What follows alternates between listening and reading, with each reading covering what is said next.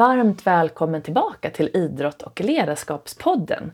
Det är dags för avsnitt 34 och i det här avsnittet ska du få träffa Caroline Hedvall. Caroline är en professionell golfspelare som just nu spelar på Europatouren och på USA-touren LPGA.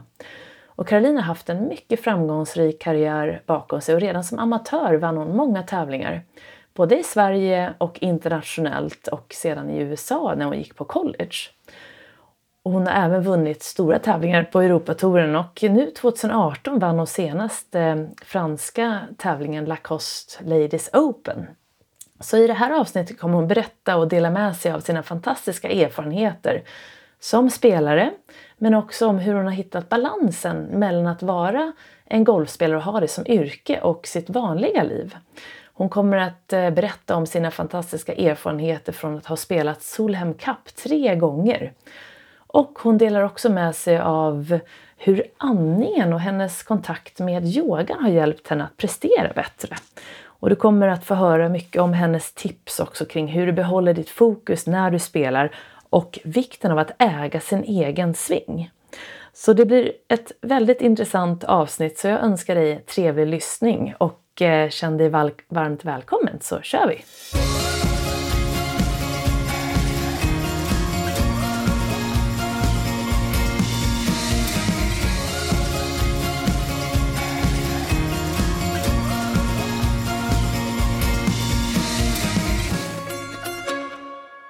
Då är du varmt välkommen tillbaka till Idrott och ledarskapspodden. Och idag är jag mycket glad att få presentera min nästa gäst, nämligen Caroline Hedvall. Och Caroline är en professionell golfspelare som just nu spelar på LET, Ladies European Tour, och på LPGA, den amerikanska touren för tjejer. Och Caroline har haft en mycket framgångsrik karriär och redan som amatör vann hon bland annat The European Team Championship och The European Ladies Amateur Championship två gånger och även världsmästerskapen för amatörer 2008. Hon har varit på college i USA där hon spelade på Oklahoma State University och vann det som där kallas för NCAA, det är de amerikanska mästerskapen på college. Och hon blev individuellt eh, segrare där och även en eh, Player of the Year, eller spelare, årets spelare på NGCA. Eh, hon vann också kvalet till Europatouren med hela nio slag år 2010 och fick sitt kort eh, för att spela på Europatouren då 2011. Och som proffs har hon vunnit sex gånger på LET och tre gånger på den australiska touren. Och på LPGA har hon flera fina placeringar, bland annat eh, en tredjeplats i Major ANA Inspiration och Caroline har också blivit en av de utvalda att spela Solheim Cup tre gånger. Eh, och år 2013 blev hon den första i historien att vinna fem matcher under den här tävlingen. Eh, och det året vann också Europa med 18-10 och för första gången på amerikansk mark. Eh, nu, det här året så kom nästa seger och då i Lacoste Ladies Open i Frankrike i september. Och sedan dess håller formen i sig och Caroline har levererat bland annat en 62 och ett par andra platser på Europatouren. Varmt välkommen hit Caroline! Tack så jättemycket, kul att vara här. Är det någonting som du vill tillägga här i min presentation? Eh, nej, jag känner mig väldigt nöjd. Det var en väldigt detaljerad introduktion måste jag säga. Så att, eh, nej, eh, du fick nog med allt. Ja, du har ju haft otroliga framgångar och det är kul att läsa om dig för eh, vi har ju aldrig träffats egentligen personligen så här förrän när jag träffade dig på Ullna Indoor för några veckor sedan. Jag tänkte gud, vi måste ju prata i min podd. Ja, precis. Jag tyckte det var jättekul när du föreslog det. Ehm, så mm. att, nej, det ska bli otroligt spännande att prata med dig. Härligt. Um, Okej, okay, så det här var lite om din bakgrund kan man säga och det som händer lite kring golfen. Uh, och så lite om nuläget då. Så vad gör du egentligen just nu och hur kan liksom en dag i ditt liv se ut? Ja, just nu så har vi så kallad off-season, så det är när sista tävlingen har varit och man har några veckor ledigt. Så att eh, ja, då passar jag på att faktiskt ta helt ledigt från golfen. Jag, eh, jag försöker att inte tänka på golf överhuvudtaget om jag ska vara ärlig. Mm. Eh, nej, så då får jag, får jag tid att liksom ägna mig åt liksom, lite såna andra hobby som man har. Eh, och för mig så är det, just nu så har projektet under hösten eh, har varit att bygga garderob i mitt sovrum. Det tycker jag är jättekul att hålla på och bygga lite. Eh, förra året så faktiskt så, jag flyttade upp till Stockholm för ett år sedan och eh, då hade jag köpt en, en lägenhet i Stockholm som jag totalrenoverat och gjort väldigt mycket själv i. Mm. Så att, eh, nej sånt tycker jag är jättekul att hålla på med. Och sen så är det mycket fysträning nu. Det är, det är nu som jag liksom håller på att liksom bygga upp inför nästa år. Eh, jobbar på lite nya grejer och har fått nya fysprogram av min fystränare nere i Malmö. Eh, Nej, och sen försöker jag bara liksom njuta av att få vara hemma faktiskt. Det blir en hel del resande. Eh, så att eh, det är bara skönt att få sova i sin egen säng och eh, gå ut med min hund. Som jag har delat ägande av förresten. Det kanske folk undrar hur man kan ha hund när man reser sig så mycket som jag gör. Men nej, jag har delat ägande tillsammans med mina föräldrar. Så att när jag är hemma så har jag fullt ansvar för honom och sen så lämnar jag bort honom då till, till framförallt mamma som har hand om honom när jag är ute på tävlingar. Ja, Gud vad härligt med hund. Ja. Det är någonting, om jag skulle få drömma om någonting så skulle jag vilja ha en hund. Ja, absolut. Ja. Alltså, de ger ju väldigt mycket glädje. Uh, nu han, han är tre år nu så att uh, Nej, det är jättekul faktiskt. Och, och han har, framförallt en grej som, som Simba då, som han heter, har hjälpt till med, det är jetlagen när jag kommer hem från USA. För han tvingar ju upp mig på morgnarna när jag ska ut på promenader och sånt där. Så att då kan man inte ligga och dra sig. Så det är faktiskt riktigt bra. Ja men gud vad härligt. Ja. Simba, mm, vad är det för hund? Det är en Irish soft-coated wheaten terrier. Är det. Mm -hmm. brukar kallas för softis för att förenkla det lite. Ja men det men, låter ju. Ja, nej, jag växte faktiskt upp med en, en likadan. Eh, och sen så, han blev 15 och ett halvt och gick bort 2011 och sen så var familjen hundfri i vad blir det, fyra år. Men sen längtade vi väl för mycket efter det igen. Ja. Särskilt jag och mamma. Så då så bestämde vi att nej, men då får vi dela på det. Ja, ja. Just det. Jag vet att eh, visst bodde du ett tag i Malmö och spelade mycket på Barsebäck? Eh, ja, eller vi bodde, vi bodde faktiskt på Barsebäck, eh, på banan där. Eh, för vi flyttade ner ifrån eh, Stockholm 2005, för jag växte ju upp i Täby. Och sen flyttade vi ner 2005, men det var faktiskt mest mamma och pappa. Det var många tror att det var för golfen. Men, eh, men faktum är att mamma och pappa alltid haft en dröm om att, att, att flytta ner till Skåne. Och sen så var det väl jag och syrran då, Jacqueline, vi tyckte att det var okej okay då att flytta ner just för att vi båda var så intresserade utav golf. Ehm, och eh, nej, så då flyttade vi ner och så hittade vi en jättebra gymnasieskola, Procivitas, inne i Malmö. Så vi fick eh, träna på Barsebäck på förmiddagarna och sen åkte vi in och, och gick eh, ja, i skolan då på eftermiddagarna. Ah. Så det blev ett bra upplägg, det la en bra grund för, för fortsättningen av golfkarriären får man säga. Ja men exakt, så det var egentligen min nästa fråga här med apropå din bakgrund och eh, hur du egentligen då liksom kom in på golfen från första början.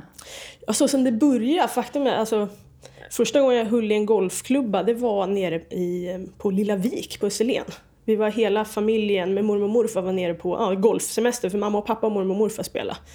Och så bodde vi där på, de hade ju, de har ju såna här små hus och så fanns det en pool och grejer. Så jag och syrran spelade ju inte då. Men man blev ju väldigt nyfiken liksom när man såg att de var ute och, och spelade. Vi hittade ju på en massa annat. Så, nej, så det var då vi började slå lite på ranchen. Vi kan ha varit sex år tror jag eller något sånt mm. Och sen så Nej, så det var så golfintresset väcktes. Så vi började, jag har ju alltid slagit rätt långt. Och det har varit en styrka och det var nog just för att syrran och jag, vi stod ju bara och tävlade om vem som kunde slå längst. Det var ju det det gick ja, på branschen. Så det var, det var perfekt. Och sen så, men sen tog jag faktiskt grönt kort gjorde jag på Sälens golfklubb.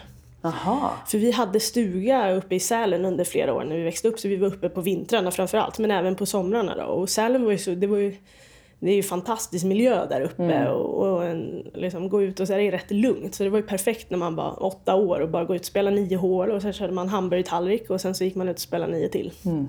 Så det var där som jag tog grönt kort och så var vi medlemmar där kanske i två, tre år. Och sen så sen spelade jag för Täby Golfklubb under mina ungdomsår innan vi flyttade ner och, och representerade Barsebäck. Just det.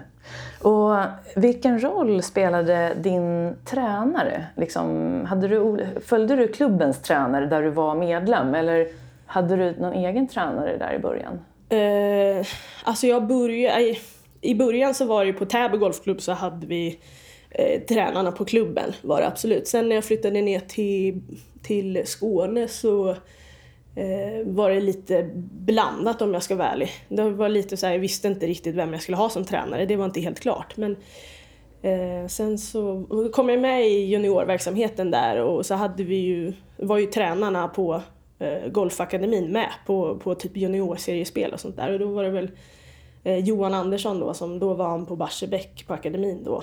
Eh, Eh, han, jag gillade sättet han pratade till mig på. För att jag var ju redan då med i landslaget och var ju en talang får man ändå säga. Liksom. Men, mm.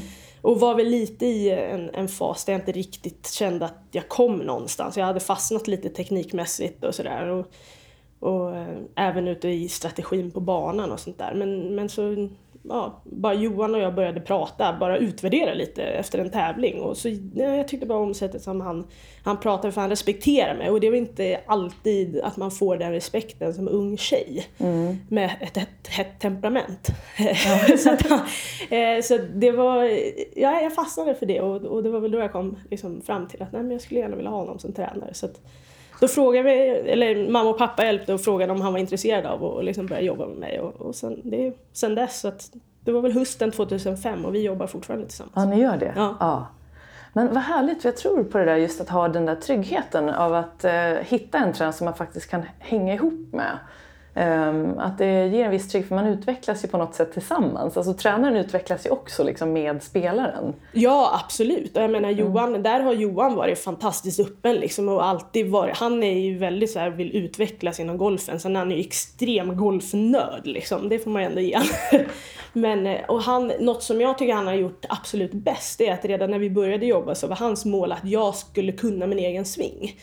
Och att jag skulle alltså Ja, att jag ska kunna hitta vad som är felet, mina tendenser. Han gick igenom bollflyktslagar och vi har alltid stått och tittat på, på videos och, och diskuterat tillsammans. I början så var det han som berättade hans tankar och så vidare men idag har vi en diskussion när vi står och tittar på videos och jag säger vad jag gillar och han vad, han, vad vi ska jobba på. Liksom. Just det. Eh, och det där hade jag ju ex Alltså, framförallt när jag åkte till college så var det där jätteviktigt alltså, att jag kunde lösa saker och ting liksom, på plats däröver. Nu skickade ju jag Eh, jag skickade ju bild, alltså videos och sånt till honom liksom, när jag var där. Men eh, jag menar, när man står mitt på en tävling på andra sidan Atlanten så måste man ju kunna lösa saker själv. Mm.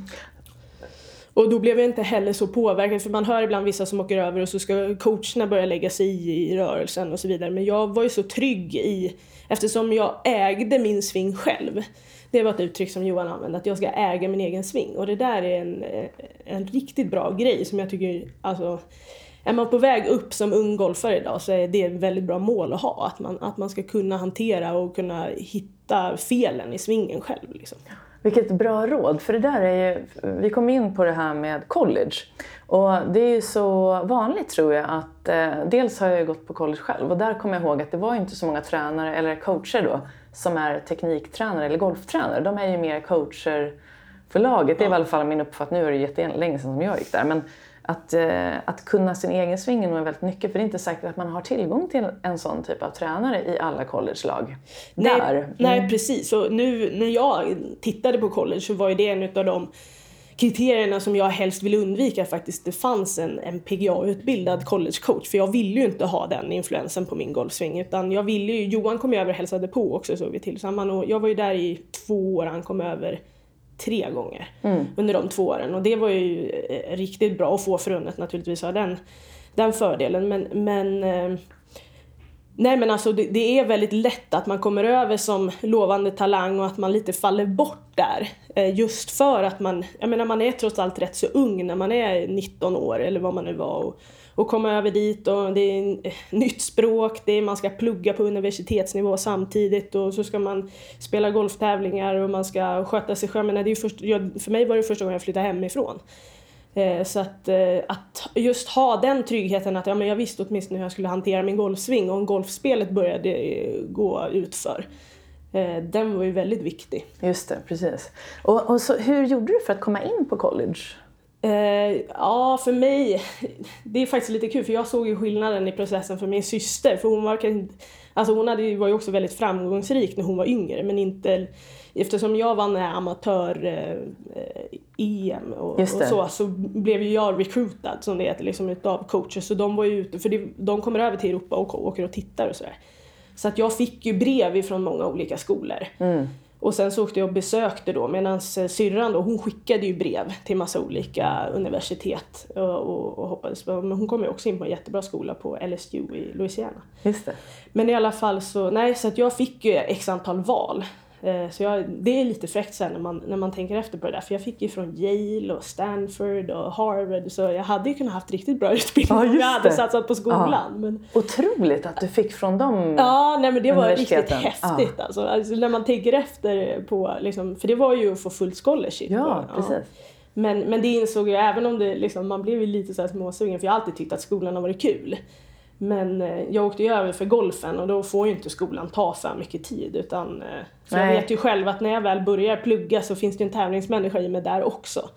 Så att, eh, nej, Oklahoma var perfekt. Och, och sen så är det ju rätt kul på Oklahoma State så finns det ju en jättelång svensk tradition med, med både tjejer och killar som har varit där. Så att jag hade ju hört extremt mycket gott om skolan och, och träningsmöjligheterna som fanns där. Och sen att det ligger mitt ute ingenstans, det, det hade inte jag några problem med för jag skulle bara plugga och, spela golf. Exakt. Så hur trivdes du när du var där? Alltså det var ju väldigt annorlunda eh, första, första tiden och sen så när man kommer över, sen hade jag fördelen för både eh, Pernilla Lindberg var ju senior när jag kom dit första året så hon, hon gick sitt sista år och även en annan svenska, Karin Kinnerud, var också där. Eh, och sen så bodde ju Karin Sjödin i Stillwater fortfarande. Okej. Hon är ju några år äldre, men hon har ju, hade ju sin bas när hon spelade på LPGA. Så att man hade ju liksom mycket svenskar runt omkring sig. Vilket var en otrolig trygghet ju. Eh, Men sen så, sen är det ju sen är det lite läskigt också. När jag, jag kommer ihåg första, första halvåret, då var jag ju tyst hela tiden för jag tyckte det var jättepinsamt att prata engelska inför de andra liksom. Så att eh, jag lyssnade väl mest där första halvåret.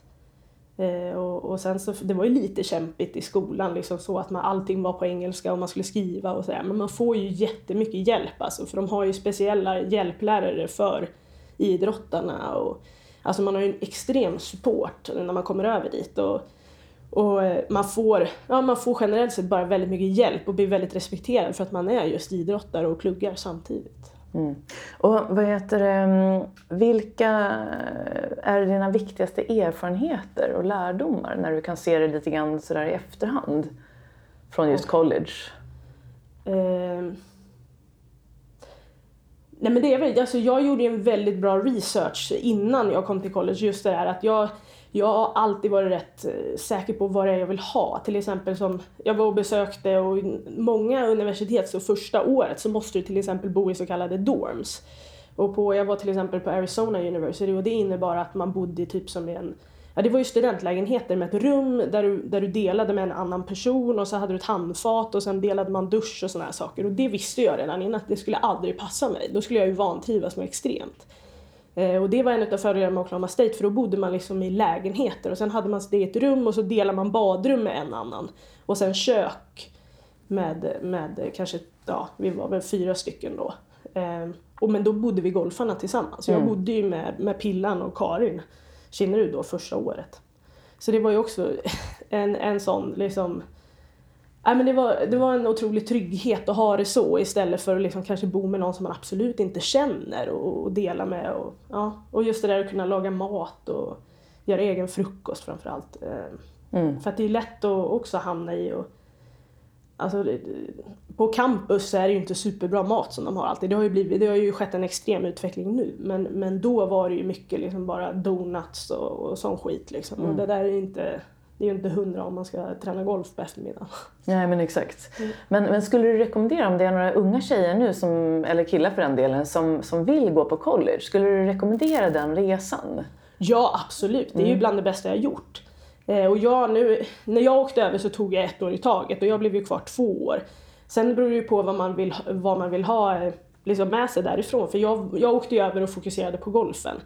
Eh, Pillan till exempel, hon gick ju klart och har ju en, en utbildning i botten och det kan ju vara en trygghet när man kommer ut sen och blir proffs också. Så att det där måste man känna efter. Men alltså framförallt så tycker jag att det är viktigt, när, om man går i tankar att man vill komma över på college så, så liksom är det viktigt att göra lite av en, en lista kanske på det man tycker är viktigt. Eh, typ om det är golfmöjligheterna, om det är att man ska kunna, att man inte vill köra, ha bil. För jag hade ju bil till exempel och det var ju nödvändigt för att jag skulle ha friheten och kunna åka och träna när jag ville och sånt där. Och alltså vad, vad som är viktigt för en så att man, att man, att man tänker efter eh, ordentligt innan man liksom börjar, ja, både när man söker och att man åker dit och hälsar på. För jag har också hört vissa som åkt över helt blint, kanske inte ens har varit i USA tidigare. Eh, och, ja, det är ju en annan kultur och det ska man ju vara medveten om. Det, är ju, det funkar ju inte som i Sverige. Eh, de är ju väldigt mycket mer resultatinriktade i USA. Eh, och det är ju lite utav en kulturchock i början och har man åtminstone varit där och besökt och, och har gjort tydlig ja, lista på det man vill ha så, så tror jag att det blir en lättare liksom, eh, övergång mm. ifrån att ha bott i Sverige och gått på eh, gymnasiet. Mm. Och hur var sen när du väl gick från college till att eh, då bli proffs? Mm. Hur var den övergången? Eh. Jag ska bara hända sådär. Kan så. eh, nej men för mig, alltså när jag blev proffs så jag kände mig verkligen redo när jag blev proffs. Mm. Eh, jag, jag vann ju då NCAA, så det var det största man kunde vinna på college-nivå. Jag blev årets spelare också. Så att jag, alltså det är jag väldigt nöjd med att jag ändå vågade vänta. För faktum är att, du sa i introduktionen då att jag spelade vann kvalet 2011, men faktum är att jag fick ett kort till Europatouren redan 2007 tror jag var, eller 2008. Jaha. För då spelade jag på den här Telia Tour och proffstouren i Sverige och blev topp två på rankingen där. Eh, men jag tackade nej till det Europatourkortet för jag kände mig inte redo. Jag var ju bara 17 liksom, eller vad jag nu var. Mm. Att, eh, och det är jag väldigt nöjd att jag faktiskt tog det beslutet för det är lätt att man blir lockad av att liksom, nej men nu ska jag bli proffs och börja tjäna pengar. Mm. Sen har aldrig det varit motivationen för mig i alla fall, alltså att man ska tjäna pengar utan jag spelar golf för att jag tycker det är det roligaste som finns. Eh, men, men just det att man vågar ändå vara, alltså, våga vänta för att det är en helt annan sak att vara golfproffs och att spela som amatör. Framförallt så, så är det ju, man spelar ju extremt mycket golf. Och det, jag menar, när man drömde om det här med att bli golfproffs när man var liten så var, alltså, insåg man inte riktigt vad det innebar, så är det ju. För att det finns ju, det är ju ett, alltså jag skulle inte byta ut det mot någonting annat i världen, men det finns ju en baksida eh, naturligtvis också. Mm. Och det är just att alltså, man reser extremt mycket, vid många olika tidszoner, vi eh, Alltså vi, det är svårt att ha ett socialt liv när man är borta över halva året, så är man inte ens liksom på hemmaplan. Eh, så att, eh, nej, jag är väldigt glad att jag fick de två åren som jag fick på college, för att jag lärde mig extremt mycket där. Och eh, just det här att bli trygg i engelskan eh, var ju en jättetrygghet sen när jag kom ut på, på Europatouren om man skulle hålla tal eller man skulle göra tv-intervjuer eller ja, men alla sådana saker. Det, så, mm. det skapade en trygghet. och, och att man har sett att just annan kultur. För det är ju samma sak där. Det är ju, det är ju verkligen många olika kulturer ute på touren. Mm, eh, och eh, nej, är, så att, eh, jag är väldigt nöjd att jag tog det beslutet. Ja. Ja men det är så spännande. Det är ju många, när jag var på college så var det ju väldigt ovanligt att åka dit. Det var inte jättemånga som gjorde det så då var det ju också lättare att få stipendium. -huh. Nu är det ju väldigt många, så nu är det ju lite tuffare. Men eh, det, det, är ändå så att svenskor är ju väldigt attraktiva där borta för att de vet att vi är duktiga på att ha det här ansvaret i skolan och i vår idrott. Ja absolut, vi är ju väldigt eftertraktade just för att man, alltså man, man har ett gott rykte att vi, för det första så jobbar vi väldigt hårt, mm. Eh, vi är ja, duktiga i skolan som du säger, väldigt disciplinerade. Eh, vi är ju också väldigt duktiga på fysbiten generellt sett när vi kommer från Sverige de flesta har ju en grund i en annan idrott och, och sen så att man, man är ju rätt mogen i förhållande till många amerikaner för de hålls ju rätt hårt nästan i koppel känns det av sina föräldrar liksom. Ja. Eh, så det var ju en, en, stor skillnad. Sen är ju de ett år yngre också tror jag, amerikanerna, när de kommer.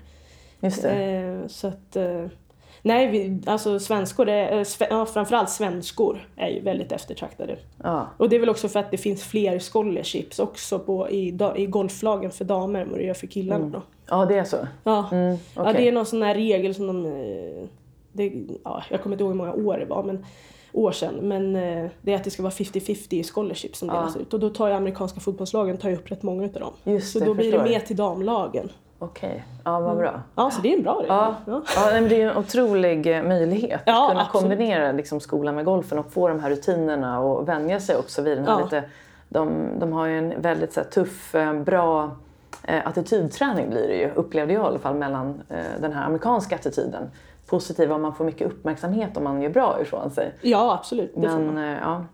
Det är en bra kombination tror jag, den svenska och den amerikanska, om man kan hamna någonstans där mittemellan. Ja, jo, men det är det ju. Därför att det som är bra i USA är ju faktiskt att man får säga att man är bra också. Mm. Och det var ju, det är ju det är ju stor skillnad mot i Sverige där man lite inte ska tro att man är något och sådär. Det är fult att ha bra självförtroende ibland. Nu tycker jag att det har utvecklats i Sverige också. Det har blivit lite, lite bättre än vad det var eh, förr. Men, eh, men där är de ju extrema alltså. och, och det, det, är nog positivt att ha bra självförtroende och säga att man är bra. Mm. Och det, det är ju faktiskt det är bra när man ska bygga självförtroende också. Verkligen. Ehm, men så vi pratade lite om, eller du pratade lite om träning och då har jag en fråga när det gäller hur man tränar, när det gäller just teknikträning kontra fysträning och mental träning. De tre grenarna. Ehm, hur tränar du idag när det gäller de, liksom det här helhetstänket? Ja, nej men alltså, om, man, om vi tar till exempel mental träning så det känns som det är ju lite hela tiden. Alltså mentalträning är, eh, gör man ju ja, hela tiden tycker jag. Jag menar det kommer ju även, även, eh, även dagar som jag inte spelar golf så, så det gäller ju Alltså i, i livet så poppar det ju upp negativa tankar till exempel. Mm. Och, och, då är det ju mental träning att ändra om det och tänka positivt istället. Och... Hur, hur, gör du då? Märker du när du tänker negativt så att du kan då Ja, inte alltid. Jag, sen märker jag ju tydligt i tendens, typ om jag är trött så märker jag jättetydligt att, att, det, att det tenderar till att komma mer negativa tankar. Eller, eh, det kan ju koppla till kosten också. Om man, om man, eh, ja, om man börjar få lågt blodsocker liksom, så märker jag det jättesnabbt också. Och det gör ju att man blir för det första segare och att man liksom eh, men börjar tänka, det kommer tankar som man inte vill ha helt enkelt. Så att, eh, nej mental träning det är ju, det är ju hela tiden skulle jag därför vilja säga. Mm. Och sen, eh, ja men fysträningen den är ju Eh, alltså jag, som nu då off-season så är det ju mer liksom lite uppbyggnad. Jag kör inte så mycket ren styrketräning under säsong just för att jag blir liksom både stel och, och, eh, och vill hålla igång flexibiliteten för det tar mm. lite på min flexibilitet om, om jag kör för mycket styrketräning. Så det, nu är det lite mer sån uppbyggnad. Eh, så det jag gör under, under säsong det är mer att hålla igång med ja, kondition och, och jag kör har de senaste två och ett halvt åren som jag börjat kört lite mer yoga eh, och, och stretchar och, och, och sånt. Då. Mm. Eh, och golfträningen Alltså jag tränar mycket ut på banan. Och, och, och, för att tekniken, jag har inte så mycket att jobba i tekniken som det är just nu. Utan eh, det är mest att liksom, mm, ja, kunna slå de slagen som man vill. Och, mycket hänger ihop mentalt också. För att jag har ju, men man brukar säga att det krävs 10 000 timmar innan man blir riktigt bra på något. Och jag känner, jag har ju lagt in mer än 10 000 timmar på att slå bollar. Så att svingen finns ju där och sitter där. Utan det är mer att jag måste hitta en kombo mellan ja, rätt svingtankar och fokus. Så det är ju lite mental träning i det också. Att man, eh, jag menar idag Idag om jag slår ett dåligt slag på tävling så är det oftast för att jag inte är tydlig i beställningen till mig själv när jag ska slå slaget. Att man liksom...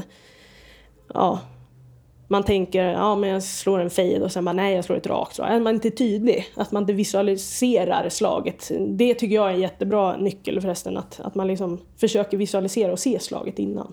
Och det man vill göra med bollen. För då blir det mycket tydligare för hjärnan att plocka upp det, det mm. som, som ska göras. Liksom. Precis, jag vet att uh, Jason Day har jag läst, han, apropå visualiseringar, att han, man brukar se honom blunda precis innan han ska slå. Mm.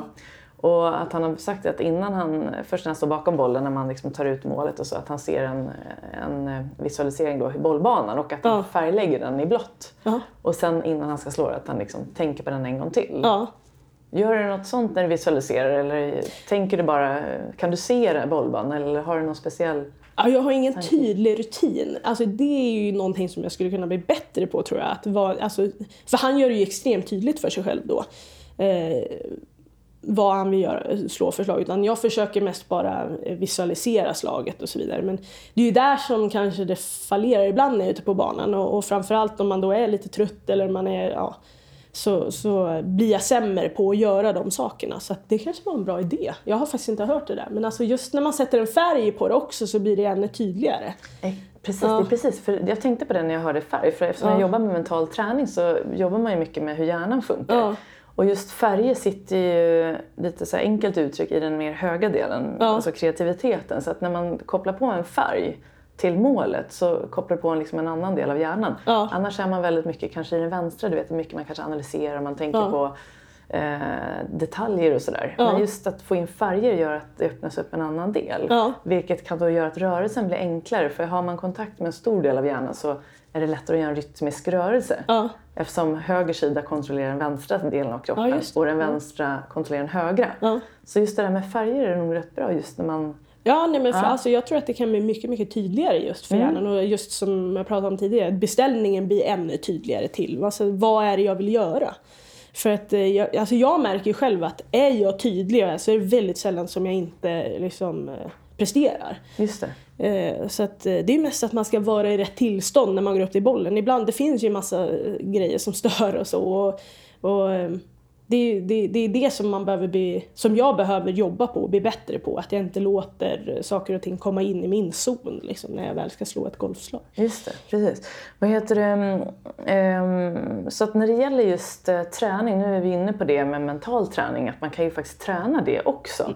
Men nu på vintern, nu är vi i Stockholm, var tränar du någonstans nu när du ska ut och till exempel eh, svinga eller, eller det här med att spela på banan? Tar du en paus från det helt nu eller? Ja, golfspelandet absolut gör jag ju. Just nu så jag kommer nog inte att röra en golfklubba förrän efter nyår om jag ska vara ärlig. Nej. Så att, eh, och jag tycker, för jag har alltid gjort det och jag tycker att det är väldigt skönt för kroppen. Eh, och jag tror att det är bra för kroppen också för att det är ju en väldigt monoton rörelse som vi utför och, och att få lite, ja, men lite nollställa tror jag är rätt bra alltså. Och, och jag behöver det. Eh, men det var rätt intressant faktiskt för att när jag, eh, förra året så tvingades jag ju ta tre månader. Det är det absolut längsta jag har tagit ledigt ifrån golfen. Ja, sen, eh, ja det måste vara 15 år tillbaka. Så att, för jag opererade handleden och tån. Jag passade på att göra två operationer samtidigt. Men nej, och, och faktum är att liksom det, är, det är väldigt fascinerande när man väl slår igen. Att det känns verkligen som det var igår. Alltså man har ju definitivt inte tappat någonting. Lite timing möjligtvis, men alltså Ja, för jag tror jag slog en vecka eh, i Ullna Indoor då innan jag åkte med min, både min trä- tränare och fystränare till Thailand för ett träningsläger på Black Mountain. Och, och när jag kom ner dit, jag har aldrig slagit bollen så bra. Och, och det är ju väldigt fascinerande just för att man, eh, många, det kommer jag ihåg i college, många amerikaner, så när man åkte hem till Sverige så de frågade så här, vad gör du över vintern nu? Det är liksom, ska du? Jag bara, nej jag kommer inte röra en golfklubba. Och det hade inte jag några problem med och de tyckte det var hemskt, liksom de som är uppvuxna i Florida, för de har ju alltid spelat golf hela tiden året runt. Så för dem är det ju jätteläskigt att ta ledigt. Men jag har aldrig sett något problem med det, för jag vet att jag inte tappar det. Ja, precis. Så det, det är väl det som jag tror att det är många som funderar just hur vi kan vara så, eller hur många svenskor och svenskar kan vara så bra trots att vi har vinter. Liksom här, och att det kan faktiskt vara till och med så att det är en nyckel till framgång för att vi får den här, vi blir liksom tvingade till den här pausen när vi är yngre för då kanske man inte åker utomlands så mycket. Men att du lär dig att det är okej att eh, vila och att man vilar sig faktiskt till och med i form ibland. Ja, precis. Ja, Just att, både att man får eh, vilan, för sen när man väl då kommer och ska spela igen så är man ju sjukt sugen. Alltså.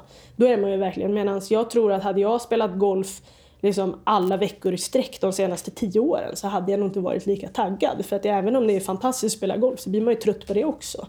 Eh, ibland.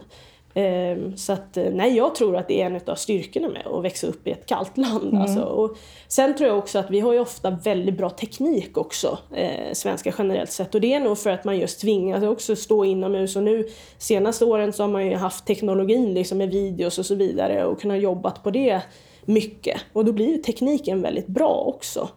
Eh, vilket jag tror att, för är du ute på banan så är det svårare att jobba. Jag menar jag kommer ihåg eh, när man var liten och skulle byta något, alltså skulle ändra på greppet. Det är ju hemskt alltså. Man behöver ju, ja, ska man göra en sån förändring så behöver man ju stå, det är bättre att stå inne och inte se bollen flyga. Eh, för det är ju bara frustrerande om man byter grepp. Alltså det räcker ju med att känna att träffen är dålig liksom. Men just se bollflykten också så, eh, så är ju, alltså då är det jättebra att göra inomhusträning och bara stå, alltså hur tråkigt det än är, alltså för det blir ju det blir ju tradigt till slut att stå och nöta in en vägg men det är väldigt, väldigt bra träning. Är det ju.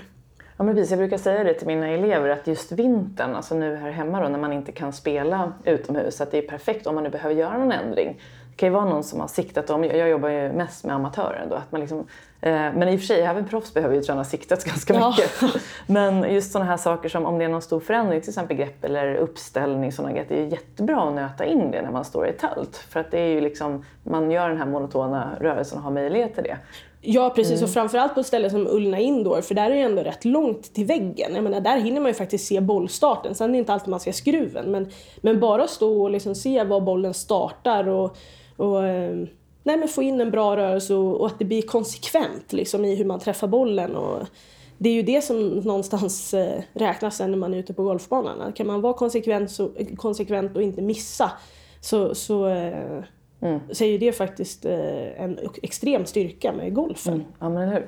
Och, och apropå tävling nu så tänkte jag fråga lite om Solheim Cup. Solheim Cup är ju då, för de som lyssnar som inte vet, så är det en tävling mellan USA och Europa. Och det är tjejerna, så när killarna spelar heter det Ryder Cup. Och du har ju varit med där tre gånger. Och det är ju en fantastisk, om jag skulle få välja någon tävling jag skulle vilja ha spelat när jag fortfarande var proffs så är det just en sån tävling där ett lag liksom går ihop och spelar mot ett annat lag. Um, och du gjorde ju det här med liksom stor framgång, så kan du berätta lite om den upplevelsen? Ja, alltså det har ju faktiskt varit min, eller var ju min dröm när jag växte upp också, att spela just Solheim Cup. Eh, jag var ju och tittade som liten på Barsebäck då, eh, 2003, när det spelades där. Och, och eh, kom ihåg att liksom, då tänkte jag att det här vill jag vara med om någon gång. Så att faktum är liksom när jag har haft de här tuffa träningsvärk, jag kommer ihåg när jag sprang runt i Barsebäck, runt de hade en sån där slinga i skogen eh, precis vid Barsebäcks golfbana. Man sprang runt där. Då var det ju det jag sprang och tänkte på. Liksom. Man sänkte en, en avgörande putt i Solheim Cup och den känslan var det gick upp på 10 och sådana grejer. Så att eh, det var alltid drömmen och målet när jag skulle bli proffs då. Och sen hade jag ju fördelen att jag spelade ju, eller jag, jag spelade ju väldigt bra mitt första år på Europatouren och, och hade, det var ju omöjligt för mig att kanske spela mig in i laget själv men, men eh, kaptenen då, Alison Niklas, hon, hon såg väl eh, kanske glöden i ögonen när, när, när vi pratade. så att jag fick ett eh, sånt eh, Captains pick då till första 2011 i Dublin så det blev ju mitt första eh, Solheim. Eh, och det var, alltså det är ju det är ju en fantastisk eh, känsla att gå, både gå in på första tio och hela grejen alltså. Det är ju, alltså det ger såna bra vibbar överhuvudtaget. De, och sen på första tio så brukar man ju spela den här Sweet Caroline när jag kommer upp. Eh, så att hör man den i någon så här, nu när jag varit runt på stan liksom, och gått i affärer så ibland börjar de ju spela den där. Och så på en gång så här, men det ger såna extra, alltså man blir bara så glad. Det blir liksom bara varmt i hela kroppen. Eh, så att eh, nej, det är verkligen en tävling som jag har eh, varmt om hjärtat. Eh, det är, ju, alltså det är ju väldigt, väldigt speciellt. Och det finns ju ingen annan tävling som tar fram så mycket nervositet heller. När man, jag kommer ihåg, 2011 var ju mitt första år och då får man ju inte, ofta när man är rookie då och spelar första gången så får man inte spela i första matcherna. Eh, Men då vill de, eh, de vill ju ofta att hela laget samlas på första tee när den första bollen slår ut. Så att jag var ju på plats där och stod och tittade. Sen 2013 när jag spelade andra gången så fick faktiskt Anna och jag starta. Eh, vi var första boll och, och spela. Och då kommer jag i och för sig ihåg att jag tyckte det var väldigt skönt för vi spelade foursome. Att Anna slog först. ja, just det. För att ah, alltså, kroppen är ju som gelé. Det är helt sjukt alltså. Eh, nej, så jag, för jag kommer ihåg, hon, hon slog ju driven mitt i fairway då och sen kommer vi upp och jag skulle bara lägga upp med järnsexa men alltså, för det var en par femma så det var ju bara en layup. Men alltså, jag, kom, alltså, jag var bara glad att jag träffade fairway. Eh, för att nej, kroppen är helt, det, var, det är helt sjukt att man kan, att man kan Alltså det kan kännas på det sättet. Men det är, nej, det är en häftig, det, det tar ut så mycket liksom, bra känslor men samtidigt alltså, man är ju livrädd. Man, man kan tänka så här, vad har jag gett mig in på? När man står där. Nej, det, precis, det där, jag, för min fråga var just hur var det att slå ut på första tee? Gjorde du det någon gång? Att du slog ut första gången på tee? Nej, första gången har jag inte slagit ut. Nej. Men jag vet jag spelade 2015 då när vi var i Tyskland. Så fick jag, då spelade jag inte heller foursome på morgonen. Men sen skulle jag slå ut i bästbollen då på eftermiddagen. Och då, då slår ju alla liksom på första tee. Men då kommer jag ihåg, då hade jag ju... Det var ändå kallt. Men jag kommer ihåg alltså skaftet bara, när jag svingade bak så jag hade så mycket adrenalin så bara vek sig. Jag kände det bara sviktade till för jag tog väl i så mycket liksom. Så Ja. jag fick bara kasta över det för att rädda alltihopa. Alltså för man fick absolut inte missa höger. Men vänster var okej så jag liksom bara kastade över den från toppen så det blev ju någon sån här pullhook av något slag som ändå liksom gick att få mot green sen. Men alltså det, var, det är helt sinnes vad, vad, vad adrenalin kan göra. Alltså. Mm, mm. Men, men vad gör du? Har du känt, för jag menar, nerv, nervös kan man ju vara, men just när, när det går över till nästan kanske som en rädsla och påverkar ja. kroppen sådär så att man känner shit liksom. Har du något tips på hur man kan hantera den där nervositeten? Nej men alltså jag tror, alltså jag hade en tränare som sa till mig en gång att när man känner sig nervös eller när man känner så är det bara ett, ett, en signal från kroppen att man är redo. Så det var någonting som jag tog med mig. Så jag har alltid tänkt så när jag har blivit nervös. Att nej men nu är jag bara redo. Och då har det blivit något positivt. Eh, så att jag har ju snarare liksom tyckt att det bara är häftigt när jag får den känslan. Eh, sen måste man ju anpassa sig till den. För jag kommer ihåg just som 2011 så spelade jag i singeln, så spelade jag bland de sista bollarna. Och var ju med lite där i slutet för då vann vi ju eh, vi vann ju med minsta möjliga marginal där. Och på 18 så hade jag ett slag eh, in mot pinnen. Det var lite mittemellan klubbor egentligen. Men, men där, eh, där tog, alltså man måste ju anpassa och ta en klubba mindre där. Så att jag kommer ihåg att jag stod och valde och tänkte nej det är nog fasen en järnsjua. Mm. Och sen bara nej. Det känns i hela kroppen att jag måste slå en åtta för annars kommer jag ju slå över hela green. Och den, även åttan karrade ju förbi eh, pinnen. Liksom. Så att det, var, det var ju tur att jag slog en åtta för annars hade vi inte vunnit. Nej precis, herregud alltså. Ja. Ja. Nej men det, det gäller verkligen att anpassa, alltså att man är, och där är också lite, alltså det är lite intressant med just relationer som man har med caddies ibland då, att det gäller verkligen att man har en caddie som är öppen och lyssnar för att, och därför att den personen kan ju inte känna de känslorna, kan ju inte känna hur det känns i kroppen. Och framförallt då i sådana situationer när det är mycket press och, och, det är nervöst och det är adrenalin. Alltså då måste man ju som spelare kunna gå in och säga att nej, det är en klubba mindre. Det kan vara två klubbor mindre. Det beror ju helt på hur man känner. Men, eh, eller det kan vara samma klubba. Men eh, för mig så har det alltid varit att jag får väldigt mycket adrenalin så jag måste anpassa mig liksom mm. till sånt. Mm, jag förstår. Så, och så det här med tävling nu så tänkte jag lite grann det här med just nycklar till framgång då. Så man hör ju oftast om, ofta om idrottare som helt plötsligt liksom vinner och de säger så här, nu lossnar det verkligen. Och så ibland kan det vara helt tvärtom, att det har gått jätte, jättebra och så bara försvinner det. Um, vad upplever du är liksom nyckeln till att det ska liksom lossna? Har du känt någon sådan specifik liksom grej som gjorde att nu liksom kom det? Nej, inte just att det låtsas. Alltså, om jag ska vara ärlig så från att jag var junior till att jag blev proffs och så även en bit in i proffskarriären så flöt det på extremt bra för mig. Jag har egentligen bara, liksom, formkurvan har egentligen bara gått upp för. Så det var väl egentligen första gången som jag fick en svacka just det när jag, jag åkte på en handledsskada Eh, Eh, kom till Phoenix i Arizona och hade börjat säsongen bra 2014 och skulle bara lyfta av bagaget ifrån, ifrån eh, bandet på flygplatsen och kände att jag drog till handleden på något sätt. Eh, så att det var ju senan som sitter på utsidan av underarmen som, som jag drog, tände ut på något sätt. Liksom. Och och jag kunde inte hålla en golfklubba liksom när jag kom till, till banan sen. Så att jag fick dra mig ur den tävlingen och sen så försökte jag spela veckan därpå och försökte spela någon vecka till och innan jag insåg då att nej men det här är ju inte ens bra. För att jag fick ju liksom ändra i svingen. Jag kunde inte hålla, hålla greppet i genomsvingen och sådana grejer. Och det var ju första gången som jag hade egentligen en svacka eh, som, alltså som blev ja, mycket djupare än vad jag någonsin trodde egentligen att en sån skada skulle kunna påverka. Men mm. Jag hade haft till exempel puttningen, en, en av mina styrkor, och även driven. Jag slog långt men också relativt rakt. Liksom. Jag missade inte så mycket. Och nu plötsligt så, så, så ja, hade jag ju tappat det.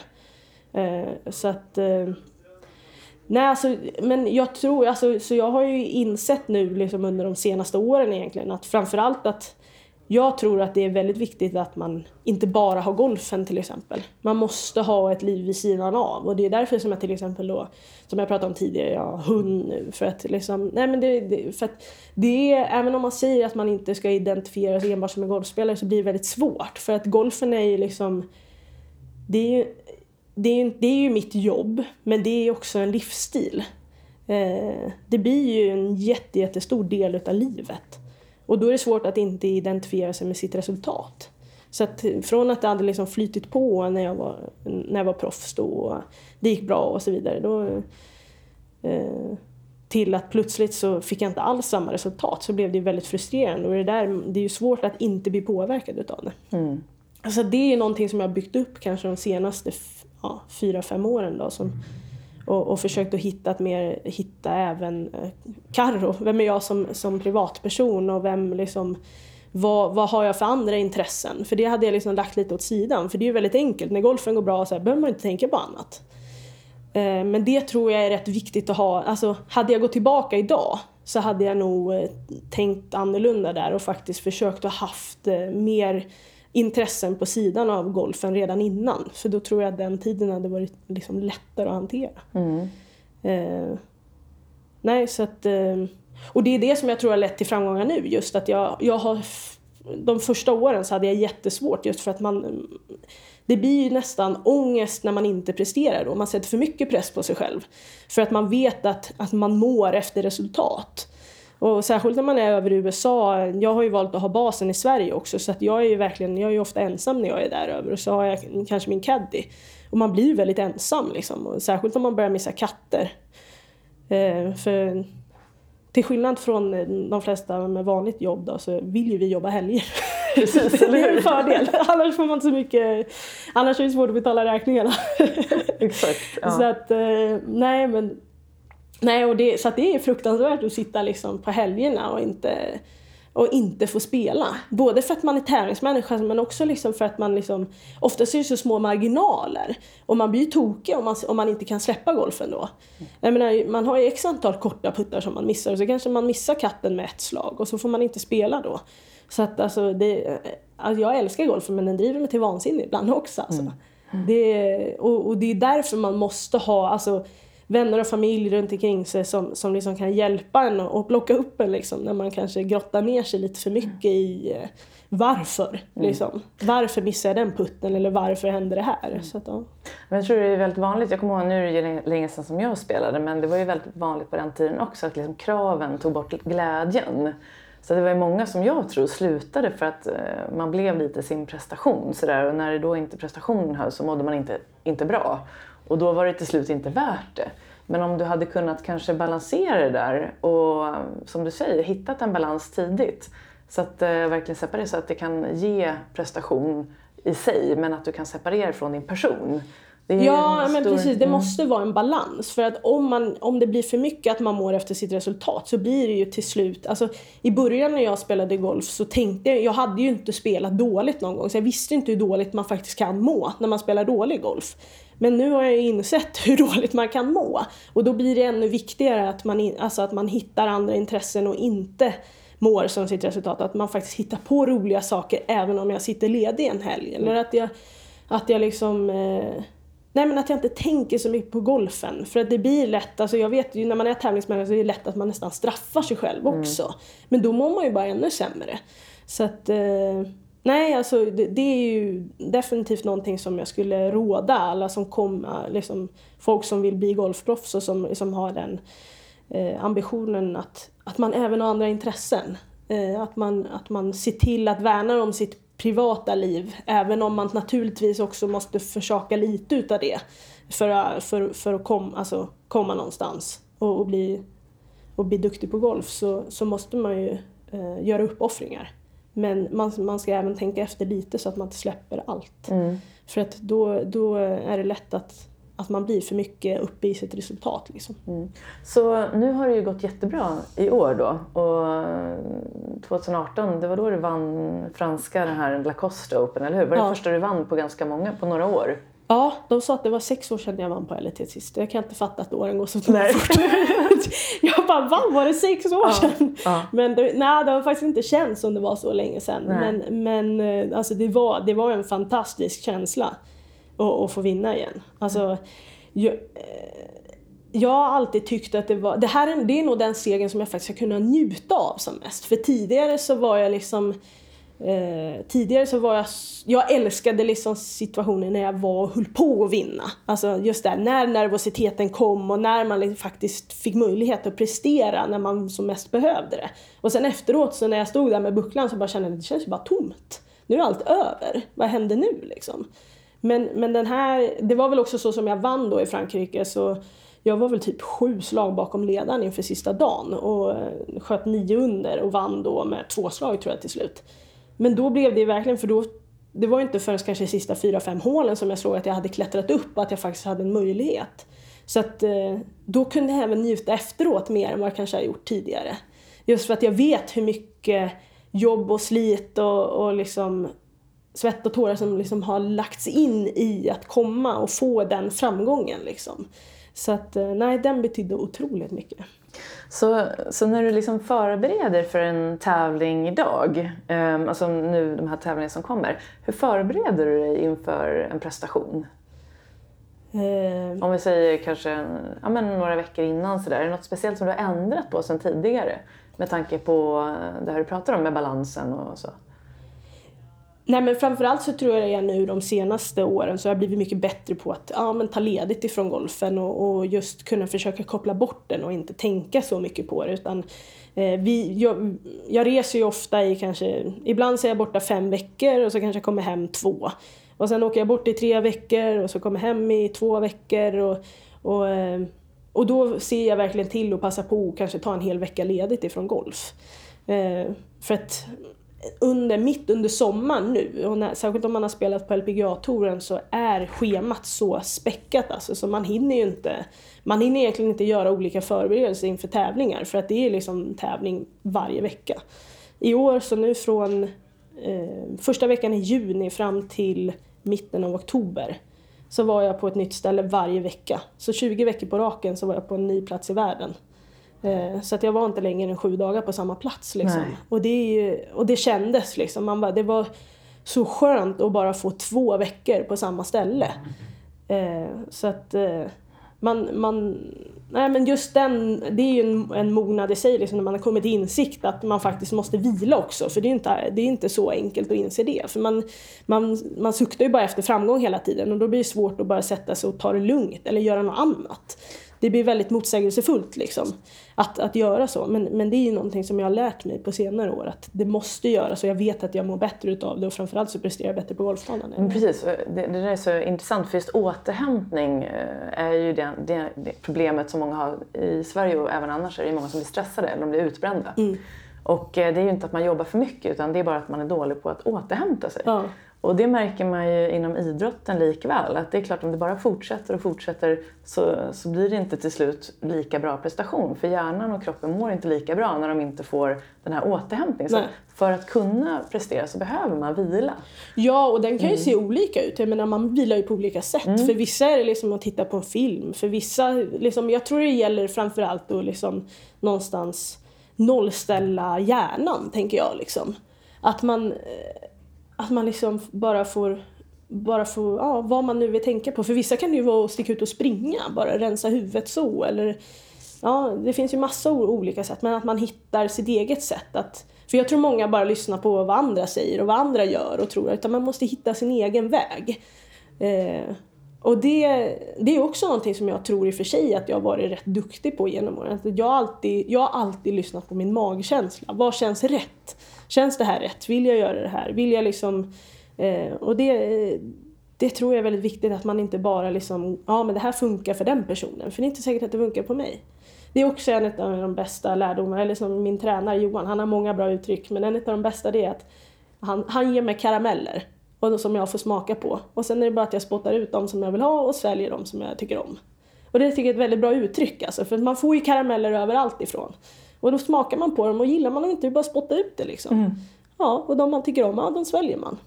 Väldigt bra metafor. Ja, faktiskt. Verkligen. Ja, jag tycker det är riktigt bra. Nej, men det tror jag är lätt och det kommer ju väldigt mycket tips och råd hela tiden. Jag tänkte på nu när man följer på Instagram och det kommer tips och själv är jag också en sån som försöker ge tips ja. på mitt konto. Men jag brukar tänka på det att gud vad mycket man får, hur ska man egentligen veta vad man ska ta tag i? Men då är det just det att du måste ta in de här karamellerna mm. men allt funkar inte och så spar man de som funkar eller ja. de man gillar och lita på att det är bra för dig. Ja, nej men det är bara att mm. känna bara så, någonstans så just det att man lyssnar på sig själv och inte lyssnar på alla andra. Utan ja, men, alltså man kan ta in tips och idéer och så vidare men sen alltså, gillar man inte att springa, nej men spring inte då, då utan gör någonting annat, cykla eller liksom man måste hitta det man ty själv tycker är kul och det man motiveras av och det man brinner för. Mm. Eh, annars så tror jag aldrig att det, det kommer liksom inte att, att gå, för just för motivationen också. Mm. Eh, för känns det inte rätt så är det svårt att motivera sig att göra saker. Just det. Så jag tänkte flika in, vi har några frågor här från lyssnarna då. Som jag har samlat in. Och eh, en handlar om, vilket är ditt favoritslag? Mitt favoritslag? Ja, alltså det är, alltså, det är svårt att välja ett måste jag säga. Men jag gillar ju att slå en, en, en drive alltså. Är, när man träffar en riktigt bra drive så, så känns det ju bra i hela kroppen. Eh, men sen tycker jag också, alltså om man, om man slår ett, ett lobbslag, när man, när man får till ett riktigt bra lobbslag. Jag slog ett nu i senaste tävlingen i Spanien, det var lite längre lobb så det, de, de är ju rätt svåra att liksom få kontroll på, på längden på. Eh, om man ska slå en hög lobb, liksom 30 meter, som jag lyckades med riktigt bra. Det är sådana som man kan gå och njuta på lite mm. fort. Liksom, det, känslan sitter kvar i några hål framåt. Mm. Vilken klubba har du när du lobbar? Eh, en 60 grader. Ja, just det. Mm. Och eh, den andra är så här, eh, hur tränar du för att stärka din självkänsla? Ja, den är svår alltså. Vi pratade ju lite om just det här att um, vissa kan ju ha svårt att förstå vad skillnaden är mellan självförtroende och självkänsla. Mm. Och självförtroende är det, kan man säga det yttre, alltså, du vet att du är bra på en drive och, och så man har de här yttre sakerna. Men att självkänslan är att jag vet att jag är bra oavsett om jag presterar eller inte. Mm. Och, och det är en intressant fråga, men, den är, ja, men vad, vad skulle du säga? Nej men, ja, nej, men det är ju, det är, alltså jag tror faktiskt att jag alltid haft rätt bra självkänsla. För någonstans, jag har väldigt bra, alltså, och det yttrar sig i självförtroendet. För att eh, jag, all, jag tror alltid att jag kan klara av saker och ting. Eh, och jag ger mig fan på att jag ska klara av saker och ting också. Så det har nog kommit rätt naturligt för mig, det här med självkänsla. Sen är det ju perioder liksom som man, inte som, som man kanske inte mår lika bra eller att man inte så här, men, men Alltså jag är väldigt duktig på att, att tala om för mig själv när jag gör saker bra. Alltså, jag har caddies som har skrattat åt mig för jag kan verkligen liksom säga att oh, det där var ett sånt jäkla bra slag. Och det tror jag är rätt, det, de hör nog inte det så ofta. För jag kan verkligen njuta av sådana saker. Mm. Nu har ju det, det är kanske mer också självförtroende, men just det där att jag tror jag är så generellt sett i, i bara livet. Jag, alltså att jag är rätt duktig på att säga, men det där gjorde jag bra. Eller det där liksom, och det tror jag är viktigt att man faktiskt berömmer sig själv att man, att man ger sig själv cred för det man gör. Att, och mm. det kan ju vara i, i vad som. Det tror jag är jättebra, ja. ett jättebra tips, alltså att göra det till sig själv. Det är lätt att göra det till andra, ja. men just till sig själv, det är svårare. Ja, ja absolut. Så för, en jättebra eh, sån här tips om man vill stärka självkänslan. Ja. Mm. Okej, okay, och sen om du drömmer om något just nu som golfare, har du några drömmar kvar som du skulle vilja nå? Eh, ja, som du vill dela med dig av? Ja. Nej men jag är ju liksom, jag drömmer ju för, alltså jag vill ju som nästa år så, jag, ju, jag har ju blivit tvåa på LPGA, jag har aldrig vunnit någon LPGA-tävling. Så det är, ju, det är ju en dröm att vinna en LPGA-tävling. Och det får ju gärna vara en major också naturligtvis. så att, eh, nej men det är det jag drömmer om. Och eh, Solheim är ju ett stort mål för nästa år också. Mm. Eh, en dröm att få spela det igen. Det ska mm. ju Glen Eagles i Skottland det var riktigt häftigt. Det vore ju fantastiskt. Ja, så att, ja. ja det... och, och, när det gäller mål, har du alltid jobbat mot mål på ett tydligt sätt? Så att du har bestämt att det här vill jag uppnå i år och hur ska jag göra? Eller hur jobbar du med mål? Ja, jo nej men absolut. Det har alltid varit tydligt. Det egentligen, eh, har jag gjort sedan jag var kanske 14, alltså 13-14 år tror jag, satte upp liksom tydliga... Jag hade en mentaltränare som var väldigt duktig på att liksom strukturera upp det där, att man delade upp liksom, eh, resultatmål, prestationsmål och processmål och, och att eh, eh och göra det tydligt just för att det gör ju skillnad att bara få ner det på papper, att det inte bara finns i huvudet. Mm. Eh, så att, nej, det, och det är ju någonting som man måste ju veta vart man ska liksom. Eller vart man vill för att sen kunna ja, man, om man sätter sig i bilen så, så kör man mot en destination liksom. ja men exakt. Ja. ja. Nej, och, och, så att jag tror att det är jätteviktigt att, att just sätta upp mål. Och det gäller ju all, alla delar utav livet också, för det är lätt att bara göra inom golfen. Och det är väl där liksom som jag också de senaste då, två, tre åren har insett att jag inte bara är golfspelare. Att jag har satt upp alltså mål, att det finns mål även i privatlivet och är liksom eh, Nej, så att, nej, det är jätteviktigt. Mm. Ja, precis, jag tänkte eh, fråga dig just eh, om du har fört över mycket av det du har lärt dig i golfen in i ditt liksom, privatliv. Eh, när det gäller mål och vad man vill och sådär. Nu när du har också funderat på det mer. Det här med balansen då mellan golfen och vad ska man säga, det vanliga livet. Ja, nej men absolut. Alltså jag, jag har ju varit dålig på att sätta mål i, i privatlivet. Och, och det är ju det som, är, som, som, eh, som jag har blivit mycket bättre på nu. Eh, och det är kanske bara senaste året om jag ska vara ärlig. Just privat. Men jag menar, skaffa hund var en sak liksom. Mm. Det, det, är ju som, det var ju som ett mål, eller mål, men, men liksom eh, Just att man, att man gör någonting för, för sig själv privat också, inte bara för, för golfen. Eller det kan ju vara att sätta mål i fysträningen och det behöver inte enbart vara för golfen. Jag vet, liksom sätta upp vad, en tid som jag vill springa på milen eller något sådana, liksom sådana mål. Eh, just att man, man känner, eller att man vill sätta en yogaövning eller liksom. Ja. Mm, just det. Eh, så det går ju att ha mål i allting och, och det gör ju faktiskt att man motiveras ju på ett helt annat sätt eh, Eh, när, man, när man sätter upp mål. Så att, eh, nej, det tycker jag alla ska göra. Mm, mm. Um, och um, det här med... Um, jag brukar få frågan rätt ofta sådär, hur de här bra spelarna gör när de, för att hantera nervositeten och det pratar vi lite om. Men andra hinder, när du liksom eh, märker att du tappar fokus. Du pratar ju lite om det själv. Man tappar fokus när man är i spel. Och, och man, eh, har du något tips på hur, man, hur du tar tillbaka fokus då? Ja, nu, det är ju, jag är ju kanske lite speciell där men jag kan ju liksom bara, alltså eh, om man ursäktar språket då, så kan det ju bara vara att jag kan ju bara tala om för mig själv, men för helvete Karo, nu är du här liksom. Eh, nu, så att jag ja, mest bara ger mig själv en spark i baken, att nu får du faktiskt fokusera på det du ska fokusera på. Eh, det behöver inte vara svårare än så liksom. Men det där är olika. Men eh, för mig funkar det att ge mig själv en spark i baken. Ja, men exakt. För att komma tillbaka till nuet. Ja, men precis. Ja, och då veta vad man ska fokusera på. Ja. Så att, och då, apropå det där med mål, har man då inget mål, ja. då är det ju svårt att fokusera. Ja, så det hänger ja men ihop, precis. Ja, nej men det gör det ju absolut. Mm. Nej och sen så, jag menar, det är ju lite så alltså på golfbanan så det är ju väldigt mentalt. Och det går ju, jag måste ju till exempel när jag går ut på golfbanan så måste jag ju pausa saker som kanske händer i privatlivet. Alltså jag kan inte gå och tänka på sånt som, som ger liksom negativa tankar eller som kanske gör att man mår dåligt. Så att, eh, och, och det är ju liksom, det gäller ju även för ja, alla människor om de ska jobba. Så man, det är ju svårt men det gäller liksom att pausa vissa saker och sen får man ta det senare. Även om det är svårt. Eh, och vissa saker är ju omöjligt att göra det med. Så att, eh, för det, man påverkas, det är ju svårt att, att stänga av helt. Mm. Men, men, eh, men ja, och, sen, och särskilt på golfbanan så jobbar jag mycket med att liksom lite ha en på och av-knapp. När jag, när, jag, liksom, när jag tar klubban, då, då ska jag gå in i mitt slag.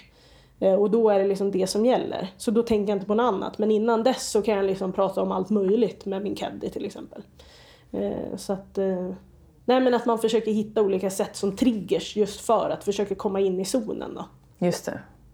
Precis, så av och på eh, grejer man gör. Ja. Som att ta upp, ta upp golfklubban ja. till exempel. och då är det det som gäller. Nu är det golfslaget som är i fokus. Liksom. Just det. Ja.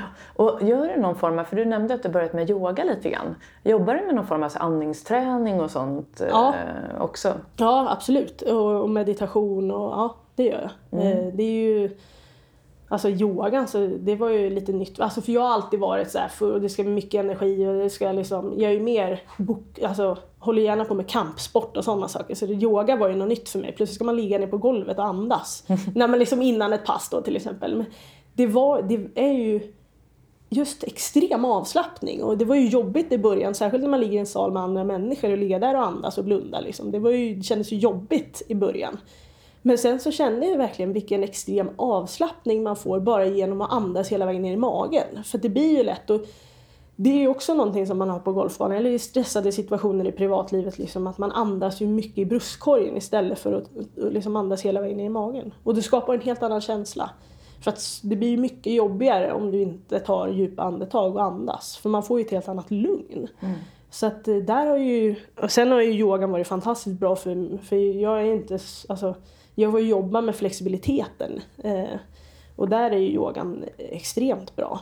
Eh, för jag, jag har aldrig tyckt att stretching är särskilt kul men i yogan så blir, kommer det ju naturligt när man liksom går igenom hela kroppen och samtidigt då får, får andas på, rätt, liksom på ett bra mm. sätt. Mm. Jag vet att någonstans eh, just den här djupandningen som när man kommer ner med andningen mm. till eh, magen att man syresätter kroppen nästan tio gånger mer ja. än när du liksom andas normalt. Så att du får ju otroligt mycket syre ja. till kroppen så att den verkligen fungerar och ännu Ja, bättre. och bara sätter man sig och tar några sådana djupa andetag, man märker ju skillnaden på en gång. Alltså. Mm. Och just alltså, det känns ju nästan som pulsen går ner tio slag, alltså bara så. Så att, eh, nej det, det är eh, fascinerande hur kraftfullt andningen är liksom, som verktyg när man vill liksom ändra tillstånd. Eh, så att ja, nej det, det, där har jag fått med mig mycket från Mm. yogan. Har du tagit med dig ut på banan också så du kan använda det Ja. ibland för att liksom få ner lugnet om du märker att det kanske blir... Ja, Det sen är det inte iväg. alltid jag hittar mig själv när jag är ute på banan. Så det är någonting jag jobbar på fortfarande. Jag önskar att jag kanske, och framförallt också kan ha en caddy som du liksom slår till med lite. Du, tänk på andningen. Liksom. För det, ibland behöver man ju, när, särskilt när man har mycket temperament som jag har, liksom är känslomänniska, så ibland så behöver man ju liksom eh, kanske påminnas om att ta ett djupt andetag. Liksom. Eh, men jag har blivit mycket bättre på att faktiskt sitta mig själv och, och ta några djupa andetag just när jag är ute. Men det, det är någonting som, jag, som är ja, också ett mål att förbättra till nästa år. Ja, ja, vad härligt. Det ska bli så kul att följa dig nu framåt. Ehm, jag tänkte, jag brukar alltid avsluta med att fråga eh, gäster, eller- dig i det här fallet, då, om du fick välja tre saker som eh, att säga till de som lyssnar. Och då kanske det är någon som drömmer om att eh, satsa på sin idrott eller bli proffs eller kanske nå en annan dröm eller bara må bättre. Så vad skulle du säga då? Tre saker. Ja.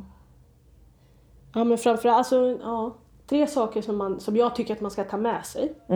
Det är nog eh, att man, eh, man ska ha kul. Det är det absolut viktigaste. Och sen så ska man lyssna på sig själv. Man ska, just det här med mag, magkänslan, den ska man lyssna på. Eh, och tredje, det kanske får räcka med två eller? Ja, det Är räcker. det okej? Det blir Ja. jättebra. Ja. Två riktigt, riktigt bra Ja. grejer. Bättre färre än fler. ja, precis. Less is more. Ja. Ja, vad spännande. Och, och om man vill följa dig nu, eller liksom läsa mer om dig, eller framförallt följa dig, har du något Instagramkonto till Jag exempel? har ju ett Instagramkonto men det uppdateras ju inte sådär jätteofta. Nej. Eh, men eh, det kanske också är ett mål att bli bättre nästa år. Så att ja, man kan kolla in på Karo Hedvall på Instagram. Just det, och då stavar det med W Ja, med W. och så C. Ja. Karo Hedvall. Och har du någon hemsida eller så? Ja, också karohedvall.com och SC tror jag har båda två. Mm. Eh, också lite dålig på att uppdatera men eh, ja, det, det ska nog bli bättre. Det är kanske någon som kan komma in och hjälpa dig med Ja, det där. precis. Nu- Så att du kan hålla fokus Ja, på det andra. ja, men vad kul. Är det något mer du skulle vilja tillägga innan vi avslutar? Eh, nej, inget särskilt. Det känns som vi har täckt det mesta faktiskt. Det Det- var ett trevligt samtal i alla fall. Verkligen, så kul att du kunde liksom dela med dig av alla dina fantastiska erfarenheter och kunskaper. Och, och du har ju varit med om så mycket. Och Ja. du är så ung. Ja, precis. Ja, jag känner mig inte det längre. Men ja, jag Ja. är ju faktiskt rätt ung. Det Men de flesta verkligen. kollegorna är ju typ eh, 19-20 nu. Så man är ju riktig veteran. Ja, exakt. Men det kommer med åren. Alltså klokheten och allt det där. Det Ja, är- absolut. Och, golf är ju en sån bra sport för där blir man ju aldrig för gammal egentligen. Nej, det är det som är så fantastiskt. Mm. Man kan ju hålla på hur länge som man vill och känner för. Och det är ju otroligt. Ja, jag är jättetacksam att du kom hit och varmt lycka till. Det ska bli så spännande att följa dig nu framåt också. Tack så jättemycket. Och lycka till med allt. Tack! Mm, tack.